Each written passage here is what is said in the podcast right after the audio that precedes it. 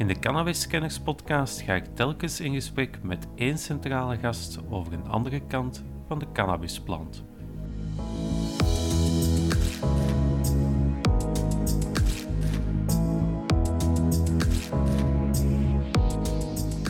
Dus als je nu spreekt over, het is een paar keer aangepast, ik weet het wel, maar een wetgeving uit 1921, dat stelt mij al enorme vragen. Maar kijk, ik ga een keer zeer straffe uitspraak doen. Hè. Ik zou de politiemensen die genieten van illegale drugs geneten willen geven. Dan, uh, dan durf ik geen antwoord bij geen doen, hè, maar durf ik geen antwoord. Uh, dan wordt er misschien geregeerd door de maffia.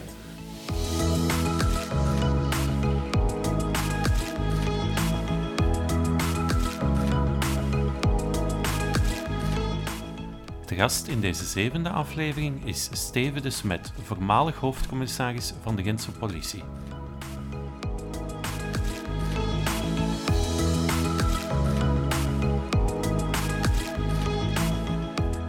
Politiek, de media. Overal horen we dissonante stemmen over het gebruik van cannabis. Tijd om de plant onder een ander licht te houden. Welkom bij Cannabis Kenners. Steven dus met eerst en vooral bedankt om, om mee te werken aan deze podcast. Um, kan je misschien eventjes toch voorstellen? Ja, uh, dus ik ben Steven de Smet, ik ben hoofdcommissaris bij de politie Gent. Mm -hmm. Ik ben in dienst getreden op 1 september 78, dus ik heb er al een redelijke loopbaan uh, op zitten. Mm -hmm. ja. mm -hmm. En, uh, allerlei activiteiten gedaan, van gerechtelijk werk naar het heizeldrama veiligheidsofficier geworden. Ik ben ook de man ik weet niet of je het nog weet, want je bent redelijk jong. Flikken. Ja, ja, dat ken ik nog. Ja, ja. dat is ook een van mijn ideeën geweest ooit om te lanceren. Mm -hmm. Dat was een unicum. Om de politie in Gent een beetje aandacht te geven. Ja, wij, wij kwamen op dat moment uit uh, Chris de Stoop, dat was een journalist van de mm -hmm. die had een boek geschreven. Ze mm -hmm. zei zo lief meneer. Uh, ja, ja, dat zegt me nog iets, de naam. Ja, ja, ja, dus ons korps kwam daar niet goed uit. Oeh, en een lang verhaal kort uh, verteld ik kreeg dan ook een, een telefoon van Steven, dat kan toch niet meer zo, hè? we moeten het korps toch erop bouwen. Mm -hmm. Nog eens, ik niet alleen, we waren met nee, x aantal collega's en dan hebben we dat mogen doen. En ik kreeg eigenlijk de opdracht het korps terug te verkopen aan de bevolking. Ja. En ja, PR, een van de activiteiten was flikken, ja. we dat één jaar 13 afleveringen hebben. Uiteindelijk is dat 10 jaar ja, geworden met flikkendagen in Gent. Ja, iets unieke, een unicum. Als men ooit de geschiedenis zal schrijven van de politie Gent, zal dat toch een paar hoofdstukken uitmaken. Absoluut, absoluut. Het is toch een PR-stunt uh, die goed gewerkt heeft eigenlijk. Zeker hè? Zoals gezegd, 10 jaar. En nu momenteel ben je eerste hoofdcommissaris, hè? Ja, goed, maar dat, dat eerste komt er gewoon naar bij, omdat, je, omdat je al lang hoofdcommissaris ah, bent, krijg je okay. keer dat de eerste erbij. Er is geen enkele verdienste, alleen ouder worden. Oké, okay, oké, okay, dat is ook een goede verdienste. hè? Um, nu, om over het thema uh, waarvoor ik u wou interviewen, cannabis een beetje te hebben. Een, een, een eerste vraag die ik daarbij heb is, op welke manier kom je eigenlijk in aanraking met cannabis? Wat zijn zo de, de situaties waarbij dat, dat een rol speelt? Oh, een rol. Uh, laten we eerlijk zeggen, dat is een begin. De eerste maal dat ik zelf met cannabis in contact gekomen ben, ik, dat was nog voor de politie, dat was in 1974. Mm -hmm. Ik ging naar het sportteam Haliora in Wemmel. Mm -hmm. En een, een, klasgenoot die, die werkte daar als, als student. Ik kon dan goede, uh, goedkopere tickets krijgen. En die vroeg mij mee naar het concert van Bob Marley. En ik moet eerlijk zeggen, ik kende Bob Marley op dat moment langs geen kanten. Ja. En we liepen rond Vorst in 1974 en ik werd benaderd uh, ja, door, door 80% op dat moment van het concert. Dat waren negers, hè, dat waren mensen, die, ja. ja. dus dat was ja. een confrontatie. En ja, in één keer vanuit een zak zei, do you want some shit? Ja. Ik wist echt niet waar dat met over had. In 74 tijdens ja. zo'n concert, je mocht nog roken binnen. Mm -hmm. En ik zag dat men daar rookte. Mm -hmm. En die sigaretten werden doorgegeven. Ik vond dat eigenlijk, ik rookte zelf niet en nog altijd gelukkig niet. Mm -hmm. Ik vond dat fenomenaal. Ik kreeg die sigaretten en ik gaf dat dan aan mijn buur uh, ja, verder door. Ik wist niet over dat gaat. En goed, dan, dan, dan vertelde ze dat het was de eerste ja, contacten met marijuana en mm -hmm. met, de, de, mm -hmm. met rook. Blijkbaar hadden x aantal mensen daar een, een, ja, een genotsmiddel in gevonden, dus dat was mijn eerste confrontatie. En later bij de politie Ja, in allerlei omstandigheden kom je daarmee om. Hè. De, de, de eerste grote vuiven, ten days off, uh, I love techno enzovoort. Ja, dat is, was nogal gerelateerd met uh, verdoofde middelengebruik. Ja, maar dan kom je ook tegen natuurlijk mensen die in het verkeer Mhm. onder invloed van ongelukken veroorzaken Mhm. enzovoort enzovoort. En je kan dat langs allerlei kanten tegenkomen, Mhm. maar louter, louter gewoon marihuana en, en, en laten we zeggen dat dat nu middelen zijn die niet onmiddellijk tot eh, problemen leiden.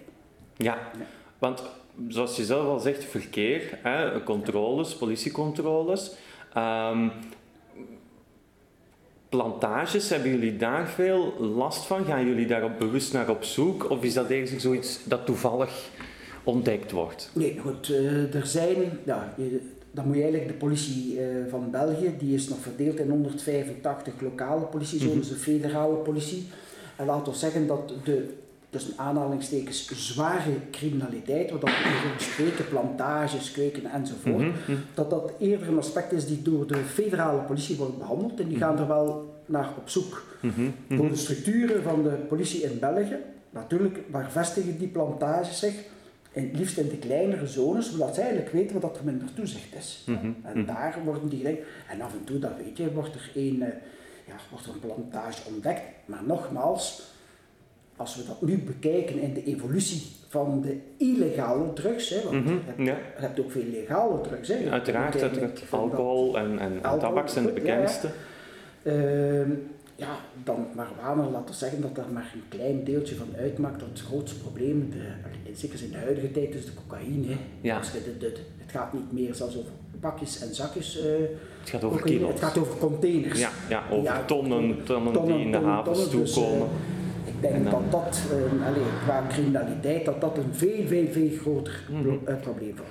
Dus je zegt eigenlijk binnen die, die, die productie, die handel van cannabis, van, van, van plant, van kweker tot grote dealer, tot kleine dealer, zit daar niet veel criminaliteit achter? Nee, of Er zit of wel criminaliteit in. Zolang dat het illegaal is, zit die criminaliteit in criminaliteit. Hè. De- Ja. Sorry, al wat dat illegaal is, dat eh, brengt enorme winsten met zich Mhm. mee en dat trekt bepaalde mensen aan om daar te gaan in investeren of daar een business gaan Mhm. rond ontwikkelen. Natuurlijk gaat dat over veel geld, ja. Mhm. maar zolang dat, dat illegaal eh, is, hè, eh, ja, moest maar dat in de legaliteit komt, zou je daar ook controle kunnen op hebben. Ja.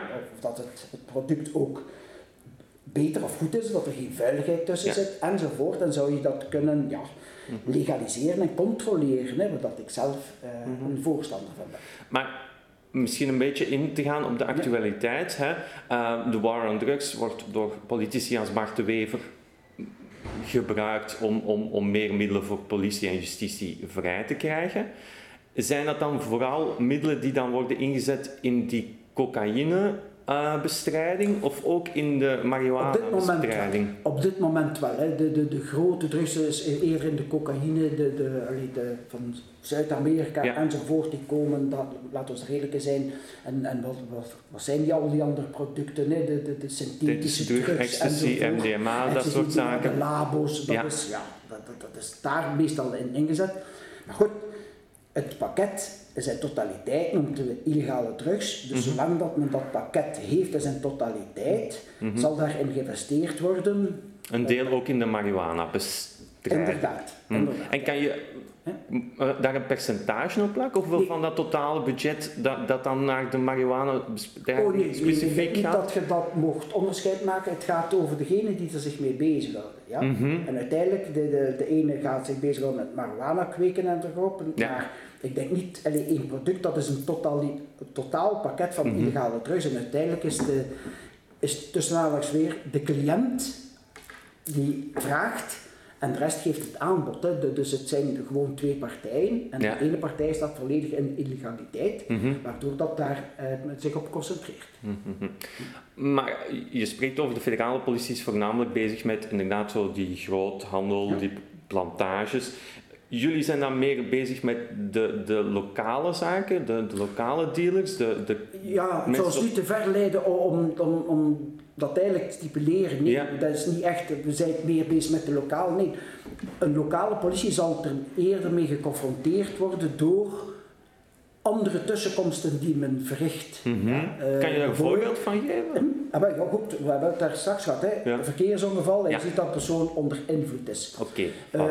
naar aanleiding van bepaalde feiten doe je een huiszoeking en je treft zaken aan, Ja. marijuana enzovoort gaat, gaat verder. Mhm. Er zijn buurten dat we weten dat onze drug, spijt genoeg, allee, misbruikers, ik bedoel dat niet negatief in, in, in de vorm van eh, crimineel, maar eigenlijk de sukkelaars, hè, mensen die, die, die er bijna afhankelijk van geworden zijn. Er zijn Ja. bepaalde buurten waar dat die mensen vertoeven. Mhm. Het zijn ook die mensen die dan, en ik wil dat niet zeggen kleine criminaliteit, maar die meestal eh, fietsen pakken om, om dan Ja. fietsen te verkopen, om dan met dat beetje geld dan weer in hun producten te kunnen voorzien. Ja. Dus daar is ook een circuit. Maar, sorry, een lokale politie houdt zich niet bezig met het internationale circuit. En Nee. laten we eerlijk zijn, de illegale drughandel, dat is echt internationaal geworden. Hè. Dat, dat is niet iets dat zich lokaal endt en dat de klein marijuana-boerke dat hier doet. Nee, dat is een netwerk, eh, meestal internationaal. Dus daar...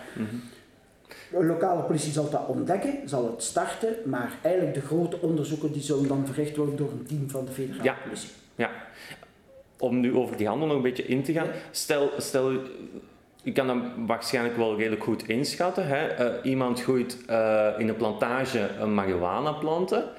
Zitten daar veel stappen tussen, tussen dat dat bij de eindgebruiker belandt? Ik bedoel, zitten daar heel veel schakels tussen? Zitten daar ja, tussenpersonen, tussen grote dealers, kleine dealers, nog kleinere dealers? Nee, mijn ervaring is, ehm, goed, om het misschien een beetje breder te scheppen, we leven eigenlijk al in een digitaal tijdperk. Ja? En Ja. digitaal tijdperk en digitale middelen en social media en, Ja. enzovoort hebben ervoor gezorgd dat structuren eigenlijk vlak moeten worden. Hè? De, de piramidale structuren Mhm. die er allemaal geweest hebben, die ook de criminelen hadden Mhm. in het industriële tijdperk, Mhm. die structuren zouden eigenlijk vlak moeten worden, omdat dat, dat wordt horizontaal. Mhm. En wat zien we eigenlijk in de criminaliteit?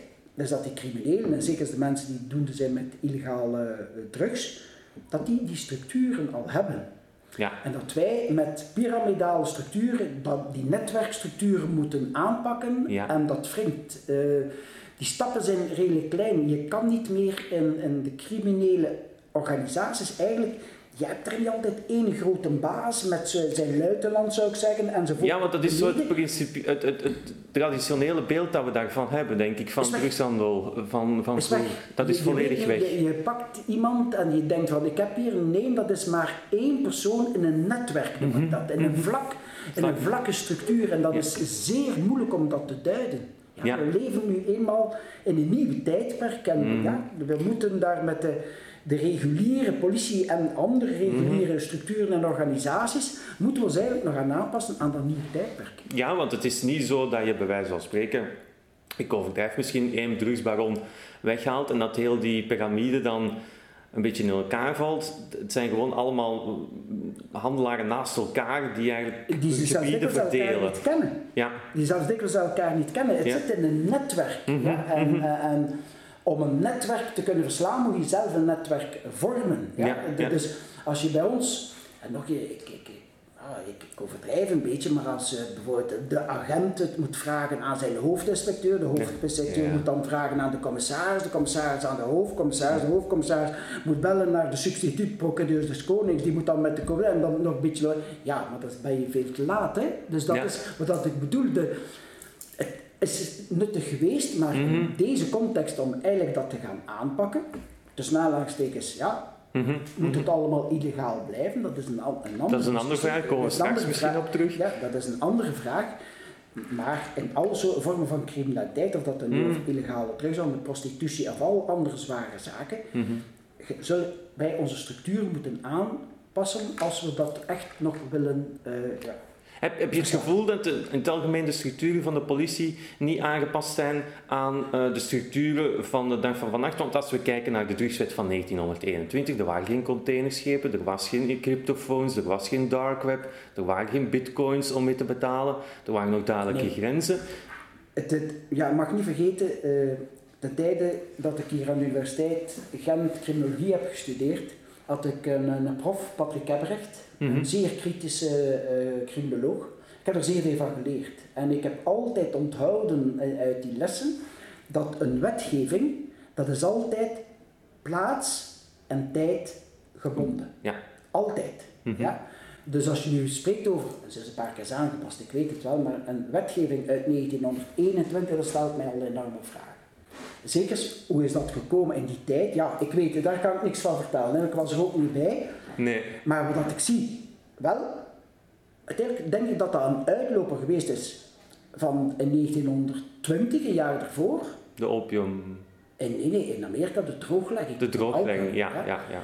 Ehm, wat ik nog weet uit mijn cursussen, de wet van de velden rond alcohol enzovoort enzovoort. Hè, dat was echt waar door de industrialisering. Mensen werden van het land weggetrokken, zaten in steden, verpauperde woningsjes enzovoort. ja, Ze ja. honger en die vluchten in een roesmiddel. Ja, Ja, Ofwel ja. alcohol, oftewel. En dan in één keer zal er wel criminelen geweest hebben zeggen, oh, oh, we hebben hier ook nog een middel dat we ten dienste kunnen stellen. En ik denk dat daaruit de gans die wetgeving gekomen is, op dat moment. Ja? Dus als we spreken over tijd, ja, we zijn 100 jaar verder. Hè. Ja. Dus niet, niet, ja, ik bedoel, een hele hoop drugs waren er toen nog niet, bestonden toen Oeh, zelfs nog weet, ja, nu weet ik niet. Hè. Als, Als je nou kijkt naar LSD, LSD, MDMA, ecstasy, dat soort zaken die bestonden. Toen LSD denk zelf. ik wel hoor. Dat, nee, nee, die Nee, is later is gekomen. Nee, die gekomen, juist- Hofman Maar goed, als ja. je weet dat ooit koffie als drug bestempeld Ja. geweest is. Sorry, ooit is koffie. Er zijn mensen ter dood veroordeeld omdat ze koffie gebruiken. Ik weet niet of dat je dat weet. Hè. Ja. Nee, ik wist niet dat het zo Ja, ja, ja, in de middeleeuwen, eh, Ja. tijdens de katholieke kerk, Mhm. overal dingen, dat waar, vond men van koffie, Mhm. dat was de duivelsdrank. Ja? Omdat dat ook een opwekkend middel was. En Mhm. daar was de katholieke kerk, die dan hier in onze contrij toch alles overheerste, die was daar 100% tegen. En het is gelegaliseerd geweest omdat er ene paus dat een fantastisch drankje vond.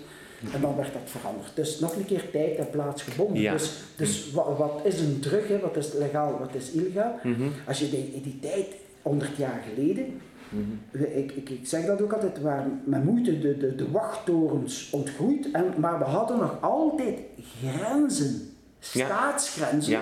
En de ganse structuur waren erop gerend om die staatsgrenzen te bewaken. En je komt ermee weg, want nog een douane enzovoort. Mhm.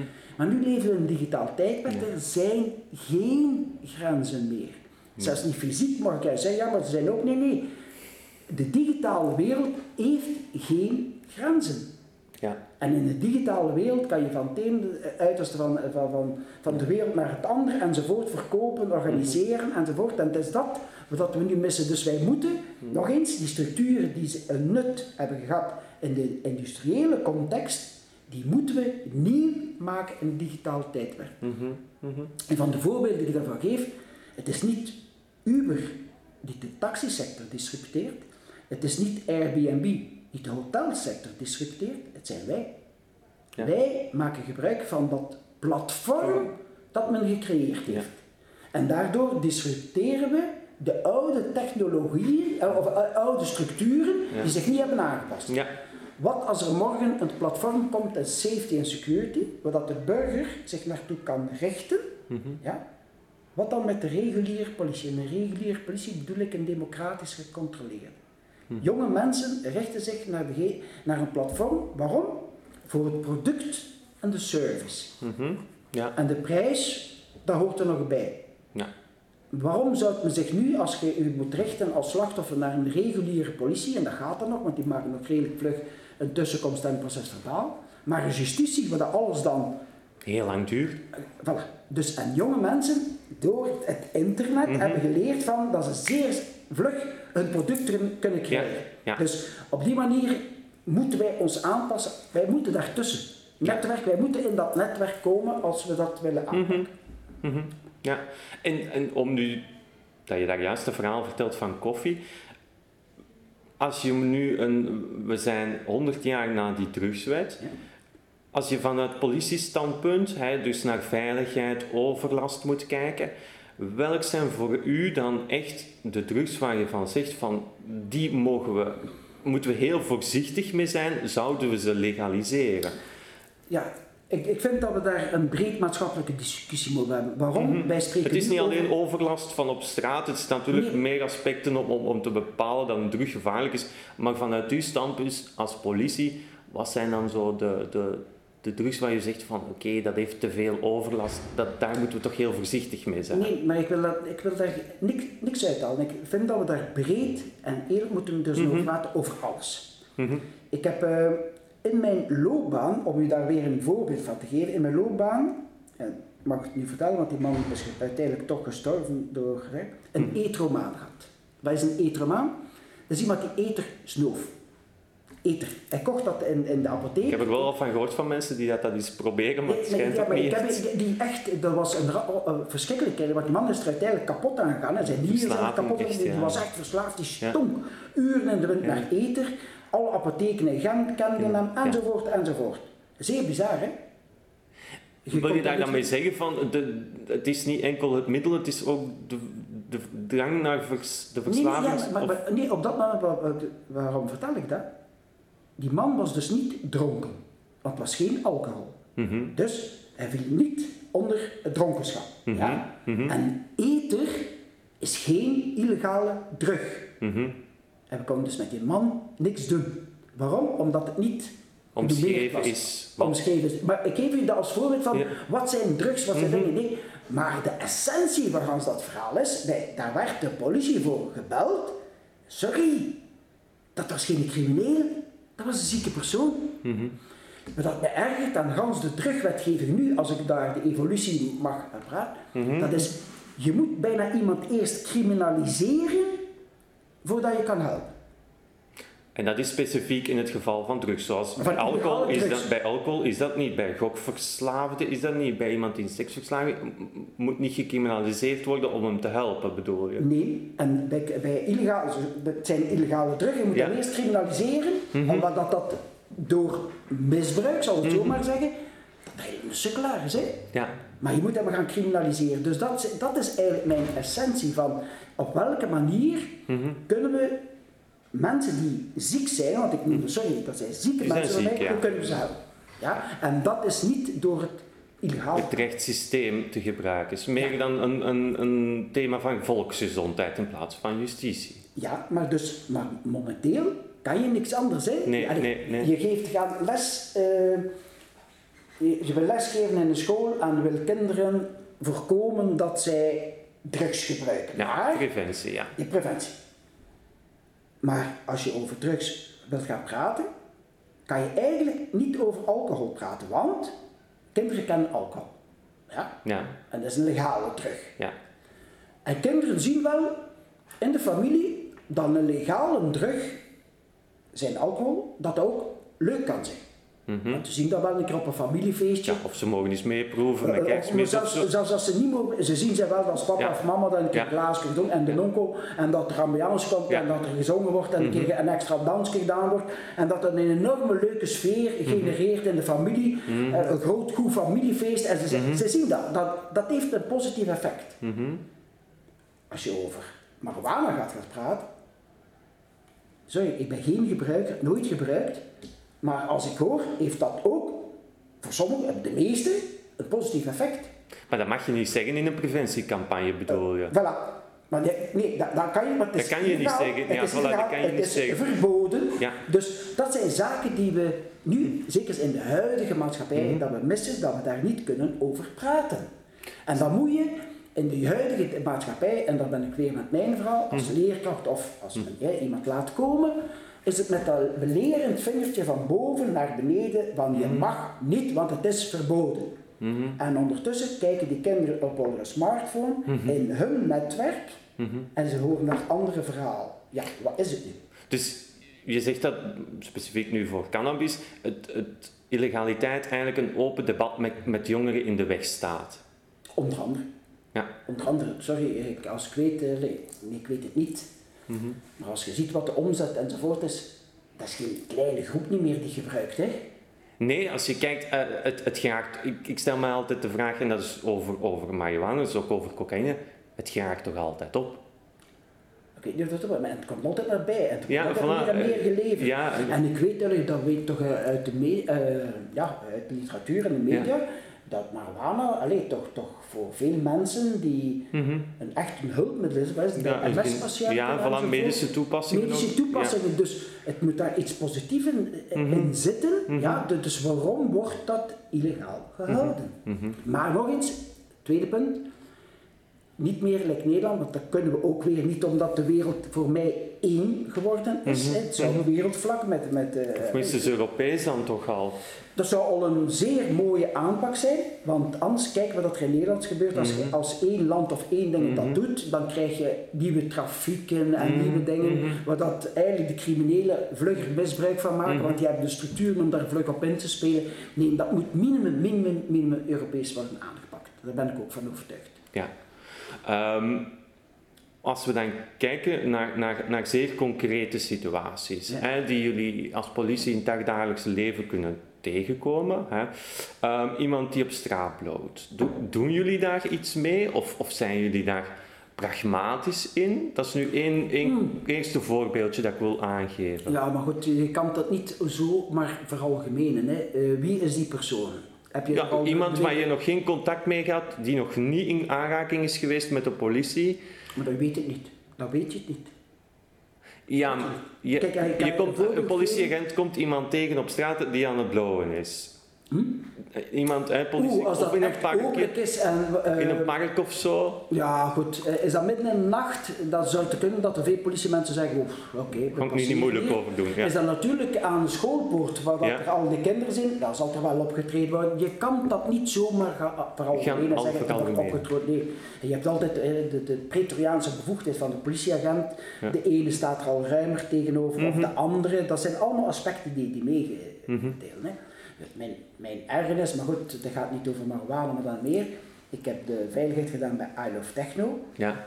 De eerste I Love Techno was een hash-sigaret. Dat was eigenlijk bijna een misdaad. Wij dachten, wauw, wauw, wauw, wat hebben we hier nu te maken? Dat was Mm. een de grote criminele feit, bij manier van spreken. De laatste I Love Techno in 2001, en dat was zogezegd een zero tolerance eh, beleid, mocht je 50 pillen bij hebben. En werd je naam en adres genoteerd. We sprak van zero tolerance, maar in wezen was daar al duidelijk dat we het eigenlijk niet meer aankonden. Ja.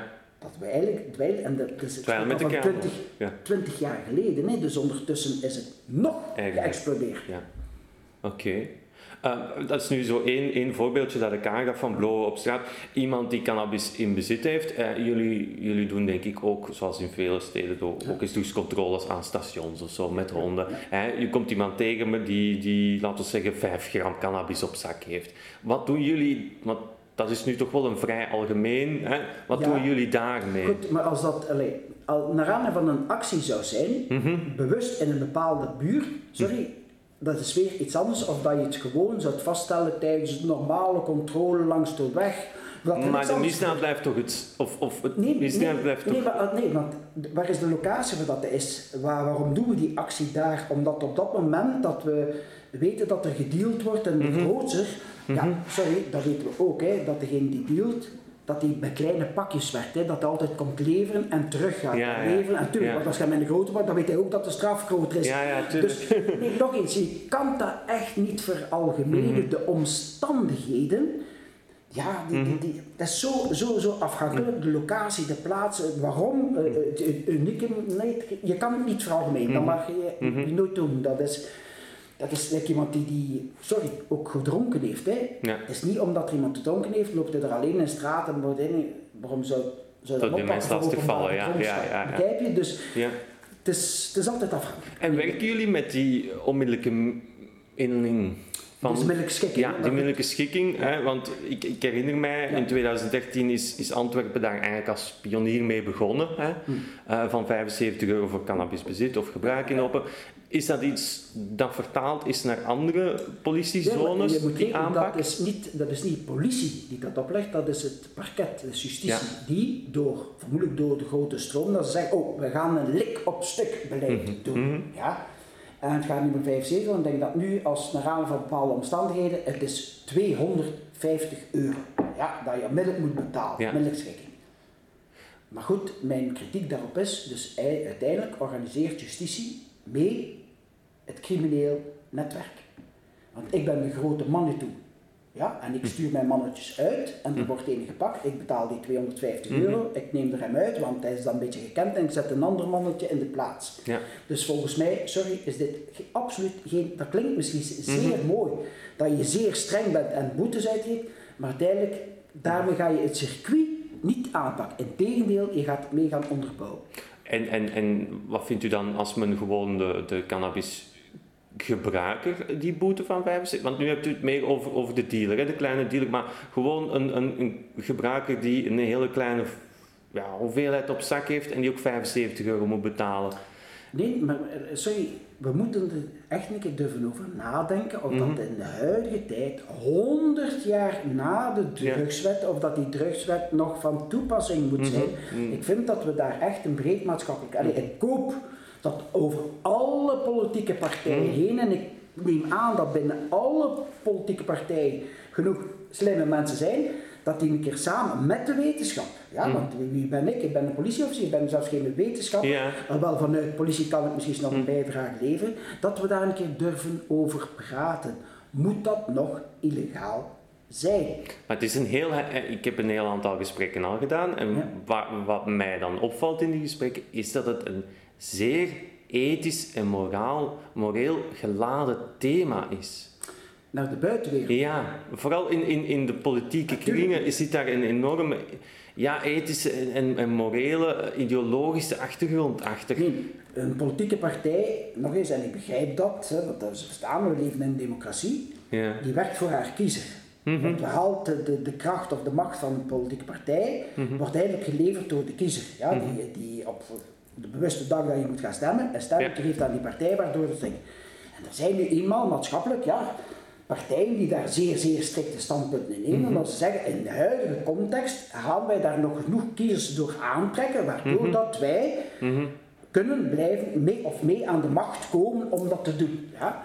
Maar ik kan je echt, echt eerlijk zeggen dat ik toch vanuit alle partijen, alle partijen, ja, zogezegd de, de linkse partijen, maar ook de rechtse partijen, dat ik met mensen, al genoeg mensen gesproken heb, die daar andere ideeën over hebben, of dat een partijtop Mhm. naar buitenuit gaat gaan brengen. Dus die evolutie is er. Dat, dat, kan, dat kan niet anders. Ik, eh, Mhm. kijk, Maar het blijft toch heel hard, als, als je dan mensen daar, politici of beleidsmakers, aanspraken over doet, hè, bijvoorbeeld over het cannabisbeleid, hè, het blijft toch altijd bij ten persoonlijke titel.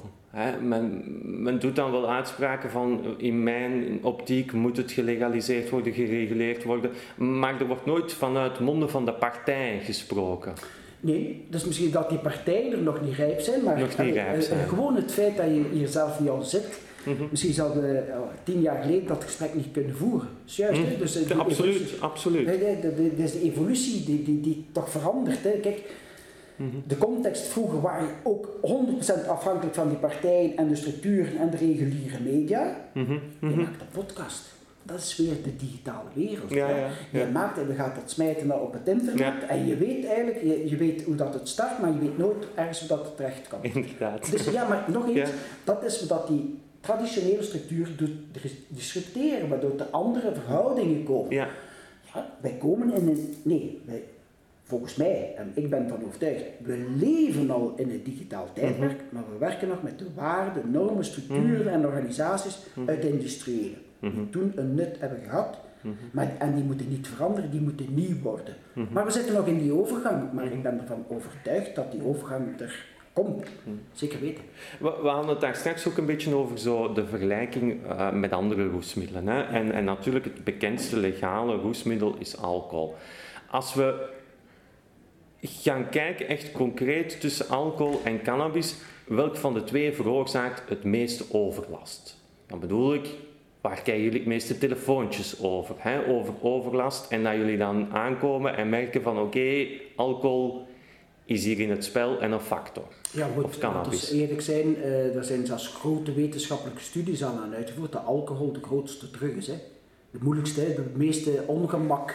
Mhm. Kijk welke gevolgen dat het heeft in het verkeer enzovoort. enzovoort. Ja, en familiale conflicten. Familiale moeilijkheden. Mhm. Alleen mensen die niet meer, allee, die niet meer eh, normaal kunnen participeren aan de maatschappij omdat ze echt ja, alcoholverslaafd zijn Mhm. enzovoort. Maar het zijn geen criminelen. Dus je kan het aanpakken met, met, met de medische factor enzovoort. Het zijn geen criminelen. Dus voor ons, qua criminaliteit, is dat minder of de illegale drugs. Want als je morgen illegale drugs hebt, wordt er gans onderzoek en wordt er op Ja. verder gaan. Ja, niet met alcohol. Hè. Bij alcohol Mhm. gaat het over het alcoholgebruik in een bijzondere situatie waar dat niet mag. Verkeer, alcohol in een vechtpartij, hè, de, een Ja. versterkend of een zwakte vak, maar het, gaat, het wordt aan iets anders mee gelinkt. Mhm. Louter het gebruik van alcohol, het, of overdreven gebruik, Mhm. Is niet strafbaar. Hè? Dus daar heeft de politie niks mee te zien. Maar dat is, dat is hoe de wetgeving erover gaat. Maar als je echt kijkt naar de praktijk, merk je wel, hoor ik in uw verhaal, dat alcohol daar een pak meer overlast veroorzaakt dan cannabis. Ik denk dat, maar niet in de criminele wereld. Nee. Niet in, om, nog nee, omdat allee, als je, natuurlijk, als je huiselijke moeilijkheden hebt, Ja. nou, dan kan alcohol daar een, een factor van zijn. Maar dat weten wij niet. Neemt dat men alle twee Hm. zich alle dagen, zo'n koppel zich alle twee alle dagen lazarus drinkt, Ja. maar ze vechten niet en dat het heeft geen andere gevolgen. Dat weten wij ook niet. hè. Die cijfers bestaan niet. Hè. Mhm, mhm, mhm. Ehm, ja, als je naar cannabis kijkt, hè, ehm, in, in het gedrag van individuen, hè, we weten allebei iemand die te veel gedronken heeft, kan soms agressief worden, kan soms eh, moeilijk doen, heel moeilijk aanspreekbaar zijn. We kennen allemaal. Heb je dat ook bij mensen die cannabis gebruiken? Dan heb ik het echt over het omgaan met die mensen. Als je daar in aanraking komt als politieagent.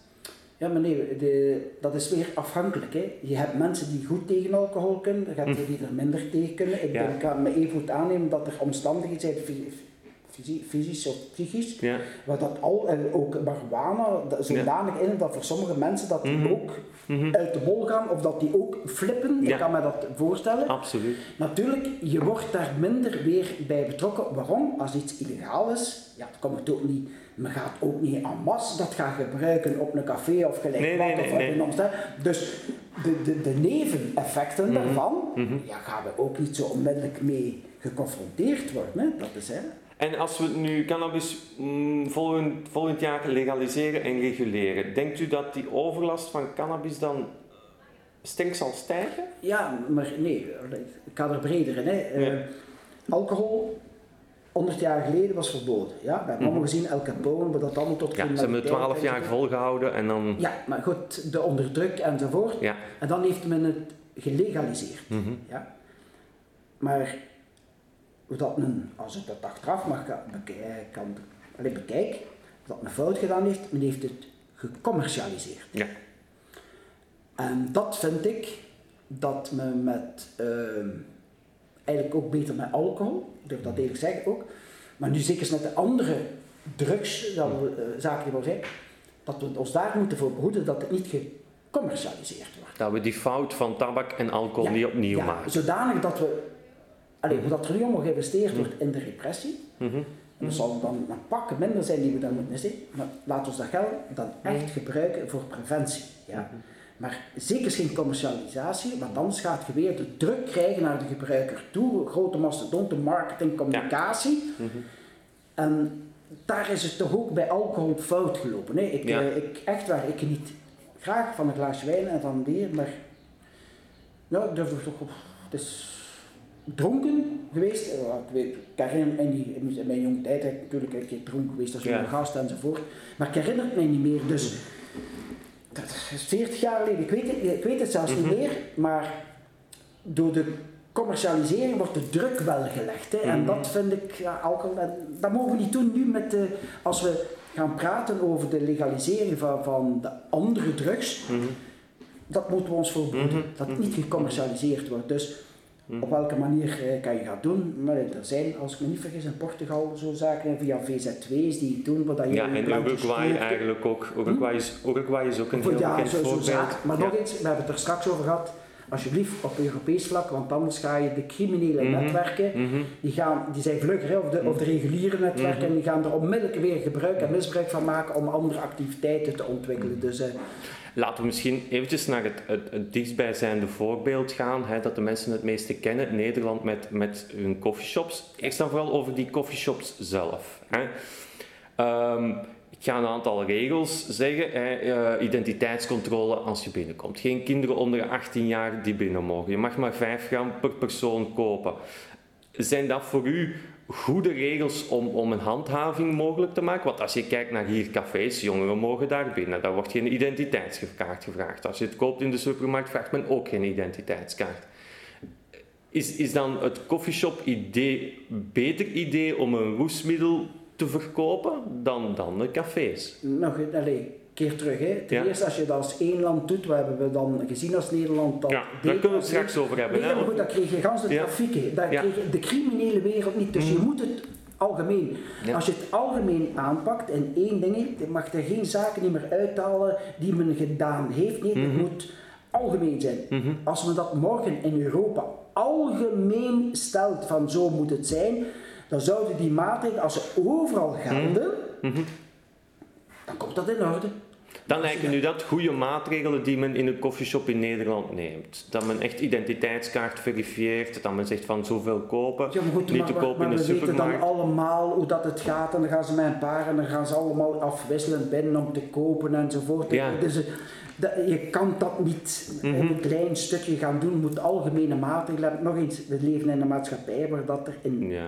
Wezen geen grenzen meer zijn. De top mag nog spreken dat er landsgrenzen zijn. Nee, voor de mensen die gebruik maken, het internet, je gaat gaan zoeken op het internet, er En is geen enkele er. grens die je daar Ja. belemmert. Ja. Dus je moet, die, die, die filosofie moet echt geïntroduceerd worden. Willen we het kunnen aanpakken, dat, Mhm. dat is dat breed, ook met, Mhm. met het internet samen. Hè. Dat is, eh, Maar in- in, in de media wordt ook weer en door politici verwezen naar Nederland als een, een, een, een falend idee. hè. Het gedoogbeleid, men zegt dat heeft eigenlijk de, de drugsmafia die we vandaag hebben eigenlijk rijk gemaakt. Hè. Omdat men daar wel de verkoop geregeld heeft in coffeeshops, maar niet de aanvoer en de productie. Hè. Waardoor dat criminelen eigenlijk nog altijd geld konden verdienen aan die markt. Maar eigenlijk hier is het dan nog erger, want hier laten we zelfs de verkoop, de detailverkoop over aan die criminele organisaties. Mm. Of zie ik dat verkeerd? Nee, nee, dat in Nederland niet. Ik denk dat dat genoeg gecontroleerd wordt enzovoort. Maar inderdaad, van als dat het de winkel of de shop buiten gaat, weet je niet meer wie eh, eh, wat. En wij weten wel dat dit de trafiek was van, van, van Frankrijk naar, naar Ja. Nederland. Dat was enorm. Nog eens, we leven in een andere maatschappij. Ja. Dus sorry, zo Emden, een stad, een land alleen, Mhm. kan deze maatregelen niet meer opleggen. Dat werkt niet meer. Mhm. We moeten het minimum op eh, Europees vlak doen als we het willen tegengaan of als we iets willen aan doen. Mhm, mhm.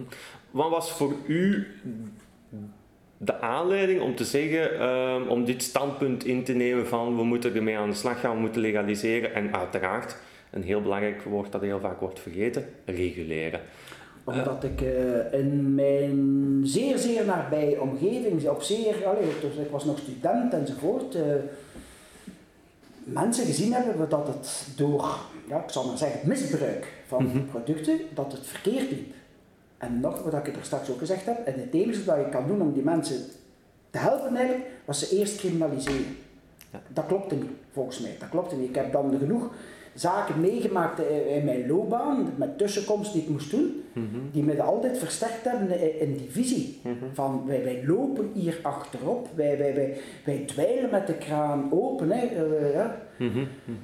Het, eh, ja, we gieten olie eh, of benzine op het vuur in plaats van het vuur te doven, gieten, gieten we vuur op. Wij, wij helpen mee eigenlijk de, de, gans dat crimineel wereldje te- zich te ontwikkelen. En het is daarmee te zeggen, op welke manier kan je dat stoppen? En nog eens, ik ben niet de slimste, hè, maar ik heb daar inderdaad op dat moment gekeken naar gans de alcoholwetgeving, alleen de jaren 20, 30, Mhm. vorige eeuw in Amerika.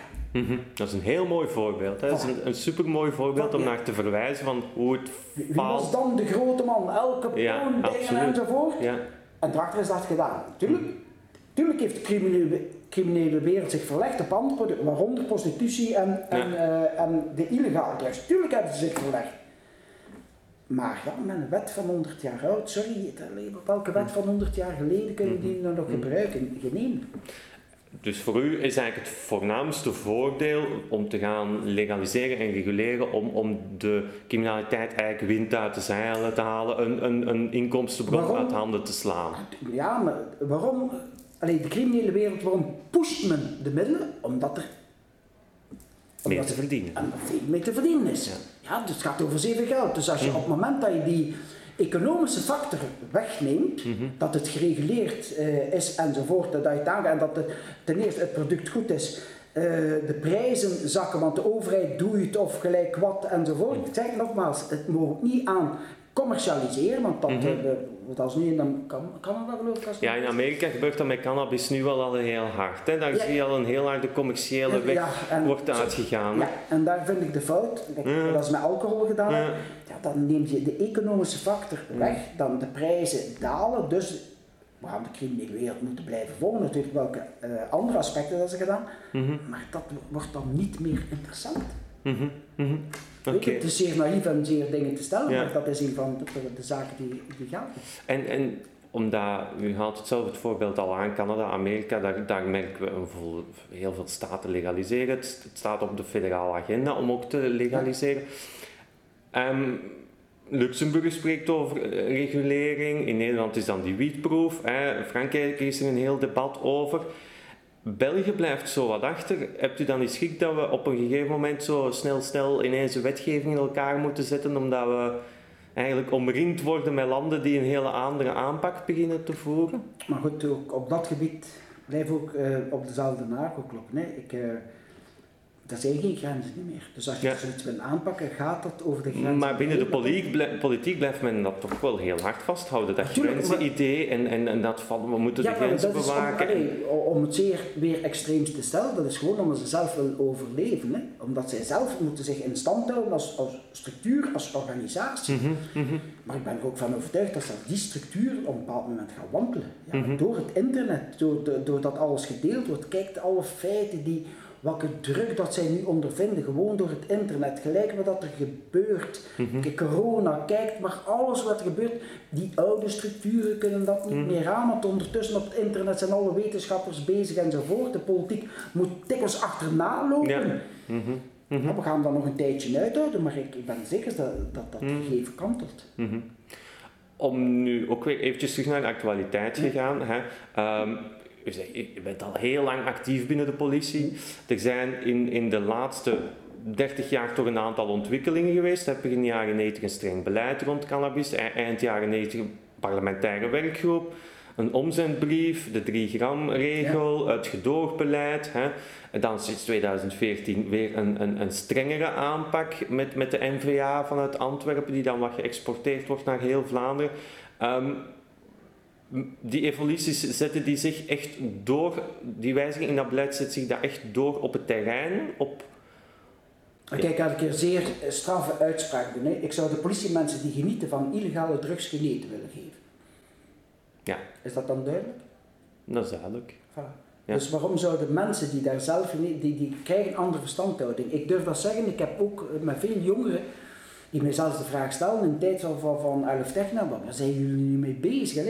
Is dat nu de crimineel? Dus de, het maatschappelijk het verandert. Zeker van de jongeren eruit, die hebben daar mhm. andere waarden en normen. Het zijn al ook altijd tijd en plaatsen gebonden. En waarden en normen worden omgezet in regels en uiteindelijk in wetten. Mm ja? Daar gaat gewoon tijd over. En het grote probleem is bij ons, dus dat die wetten nooit een keer geëvalueerd mhm. worden of bijgestuurd worden. En daar gaat tijd over om dat te krijgen. Ja? Mhm. Mhm. Nog, nog eens, laten we kijken waarom is die wet er ooit gekomen?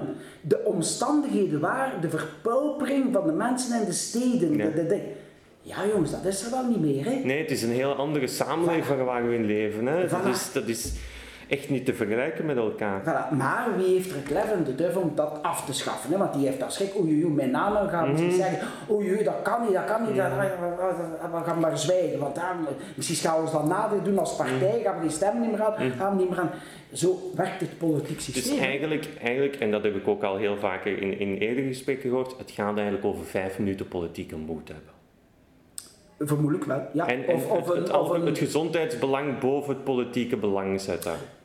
Ja, zeker weten wel. Het gaat over gezondheid. Uiteindelijk is dat de essentie. Ja. Mhm. Ook eh, zelfs met de legale drugs, hè, want dat wordt dan allemaal vrij. Maar Ja. ook daar gaat het over de, gezond, eh, de gezondheid. Ja. En ik zou liever hebben over Ja. het procent dat er maar geïnvesteerd wordt in, pre- in preventie. Ja, dat is ongelooflijk. Het verschil dat is zo laag als je naar preventie kijkt. Het is maar x aantal procenten in vergelijking met, met eigenlijk eh, ehm, de zorg voor mensen met een verslaving en de repressie. Dan, dan, dan, dan stel ik me de vraag, Gigantisch. 2, 3 procent toch armen dan naar, naar preventie gaat. Ja, ja. Maar dat is inderdaad, dat is politieke Mhm. moed hebben. Dat is het Mhm. proberen omslaan. Hè. Dat is dat. Ik, ik, dus ik herinner mij ook nog enkele jaren geleden lag er denk ik in, de federaal, in, in, in het parlement een debat over een, een, een, een eh, alcoholregelgeving. Ja. En dat was een van de regels, of een van de voorstellen om het verbod in te voeren van alcoholverkoop in tankstations Ja. en eventueel nachtstations. En ik herinner me nog goed dat de partij N-VA daartegen was met de argumenten, dan verleg je het probleem. Ik vind dat een heel rare en inconsequente ja, redenering van een pa- partij die toch heel hard inzet op, op de oorlog tegen drugs. Goed, maar ja, daar sprak het dus over legale drug. En het, ik ga het niet verdedigen, maar dan gaat het over de economie. Hè, daar, daar gaat het over de verkoop van, van Ja. een product enzovoort. Daar, daar, gaat, daar ging het over economie. Ik denk, alleen de achterban van de NVA, ik denk dat daar dat bepaalde mensen die economische belangen hebben, ondernemers enzovoort, dat dat hun kiespubliek is. Ja, Dus, Dus als eigenlijk zeg je partij- daarvan, als partij kijk je dan eerst naar het economische belang, alvorens naar het gezondheidsbelang. Ja, maar met- Waar op zich niks... Ja, maar goed, alle partijen kijken dikwijls naar, naar allee, het is niet, oh, allee, ik Nee. dat niet stigmatiseren naar één partij. Nee, alle partijen kijken hoe dat ze soms ja, gewoon kijken naar een, hun aanhang, Mhm. om hun aanhang tevreden te houden. Hè? Maar Mhm. een breed maatschappelijk dat niet durven aankaarten. Hè? Mhm. Maar ik, wij hebben nu bijvoorbeeld hier over cannabis. Het aantal cannabisgebruikers in België, als, als er 200.000 mensen zijn, gaat het veel zijn, denk ik. Hè? Ehm, ja, die gaan veel minder drukking kunnen geven dan al de mensen die alcohol gebruiken. Dus die, ja, het gaat toch nooit zo snel of hard kunnen doorwegen als, als groep om, om daar een aanpassing te doen in de regelgeving of om daar naar te kijken van de illegaliteit. Is dat nog correct? Ja, maar toch, men weer hebben het. Ik zeg het, wij, wij zitten hier nu, dat is zo niet, niet mogelijk geweest hebben tien jaar geleden. Nee. Maar je hebt nu de middelen om, om het onder de aandacht te brengen. Ja. En zo begint je een draagvlak te. Sorry, ik ben ook. Ik, ik gebruik geen marijuana, hè, dus Ja. ik moet, maar toch heb ik dat idee, dus ik, Ja. en ik gebruik niet. hè. Maar dat is omdat u bij de politie werkt. Hmm, ik denk dat nee, dat misschien... dat- nee, ik Nee? Kan, eh, dat is maatschappelijk. Ik, ik, nee, dat is iets breed maatschappelijk. Ik, ik eh, ben allee, van, van ingestelde ben ik echt een liberaal, niet, niet, niet Ja. eh, bij de partij, maar, maar eigenlijk het idee, de vrijheid van, van mensen. Voilà, het de mij- vrijheidsfactor. Zo van, eh, wie, wie is de overheid om te zeggen van wat mag ik consumeren? Hè, Ja, als ik daar geen overlast mee bezorg. voilà, natuurlijk. natuurlijk product dingen.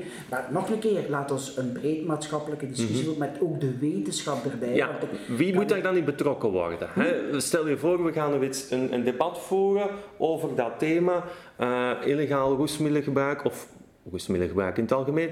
Wie zou daar volgens u bij betrokken moeten zijn? Maar de wetenschappen, ik Mhm. laat dat ook over voor te kijken, wel, dat zijn mensen die dus inderdaad eh, zich bezighouden met ons lichaam, ons hersenen, met ons dingen. Ja, Mhm. Ja. eh, Toxicologen? ja psychologen, ja. Ja. En, en oh, mij, en ik heb daar, ik daar enorm van, en allerlei discussies, slik er maar ook een paar filosofen bij, Ja. eh, die er. En dan natuurlijk ook, waarom niet uit justitie, uit politie, Ja. ja, breed maatschappelijk. Laat, laat ons daar een keer over een debat En- voeren. De consument zelf? Hm?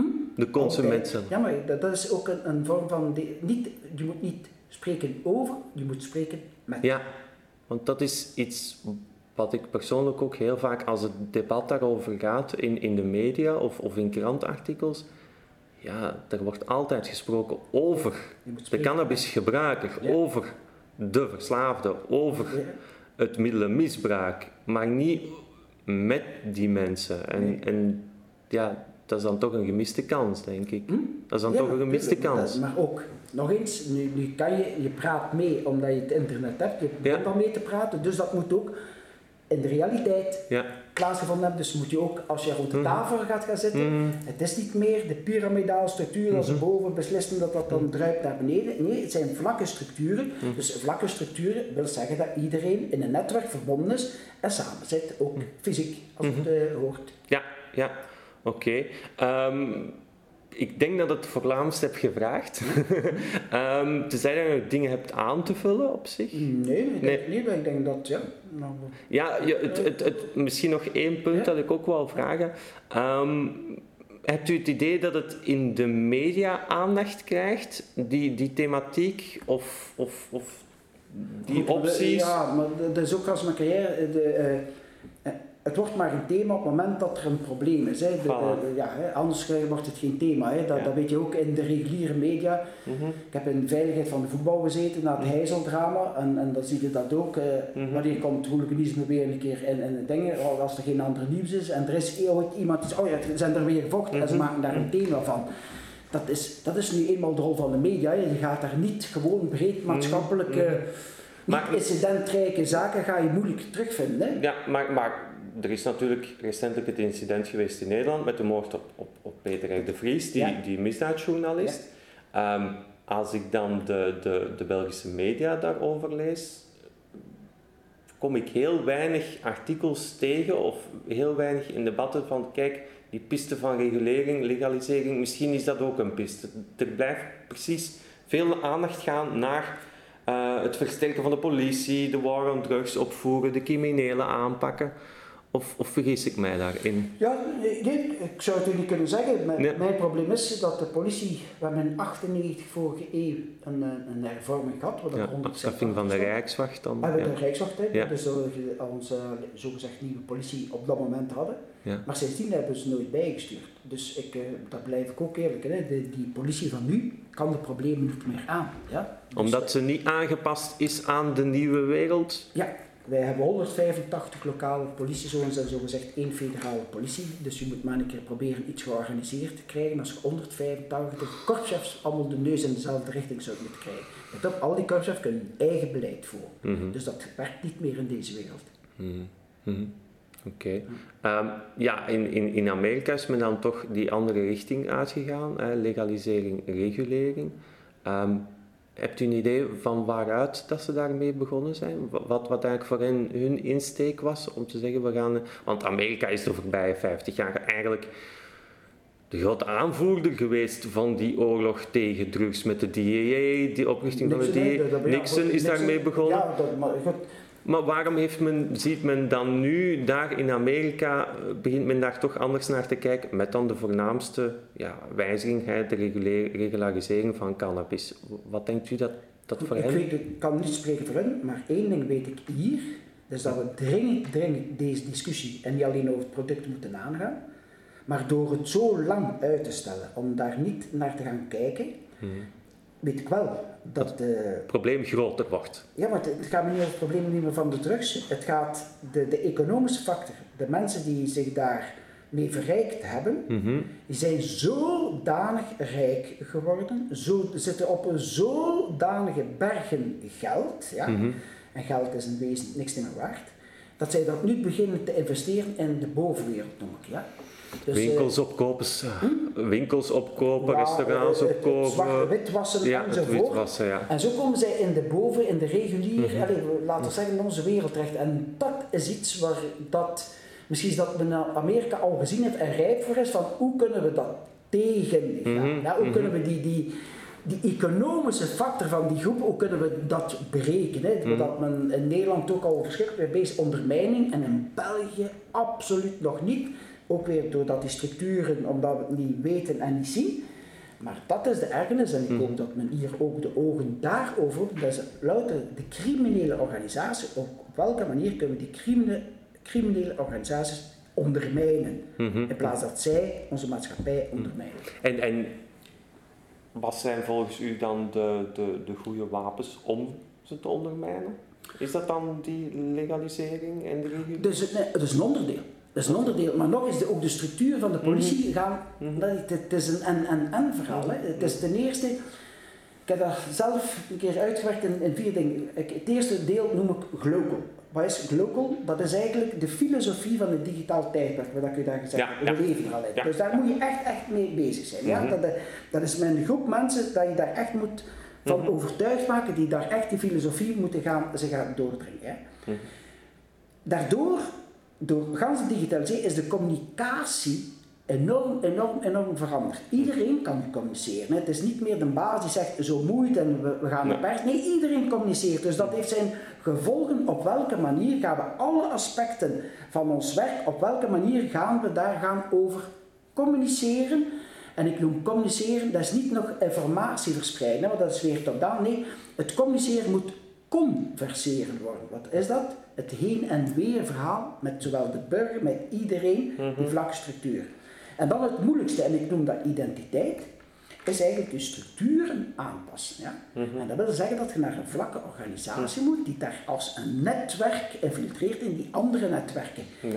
En dat kan je nu niet met de politie die elk in zijn piramidaal structuur is, zit. ja. Dus dat is een, een, een gans eh, verhaal dat, Mhm. dat ik je, je kort schets. Maar als we dat niet en en en gaan doen, Mhm. dan kunnen we, wat ik dan noem, de, de dirty side, in plaats van hè, de, de, het internet, hè, de dirty net, Mhm. gaan we nooit kunnen aanpakken. Nee, nee. En, en wat denkt u dat er gebeurt als ze nu, laten we zeggen, nog twintig jaar de, volgende, de, de weg inslagen hè, die we nu aan het inslaan zijn? Dan, eh, durf ik geen antwoord, ben geen doemdenker, maar durf ik geen antwoord. Eh, dan worden we misschien geregeerd door de maffia. Een soort van narco-staat dan, waarin dat, Ja. zoiets zoals Mexico, waar dat er volop corruptie heerst, waar dat er... Ik vrees ervoor. Ja. Want zij hebben dan de macht. Oké, oké. Het, het is een heel boeiend onderwerp en ik, ik, ik wil je in ieder geval bedanken voor de medewerking en voor de verheldering ook. Het is, het is altijd leuk om een heel ander standpunt eh, bij elke gast te horen. Ehm, maar er lopen heel veel lijnen gelijk in de verhalen, merk ik. Graag gedaan.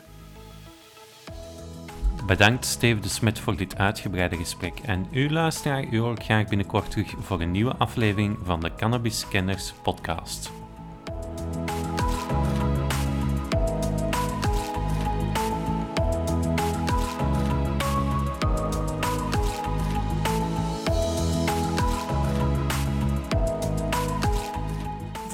Podcasts ga naar www.cannabiskenners.be of voeg Cannabiskenners toe in je favoriete podcast-app. Heb je een vraag of wil je graag iets delen?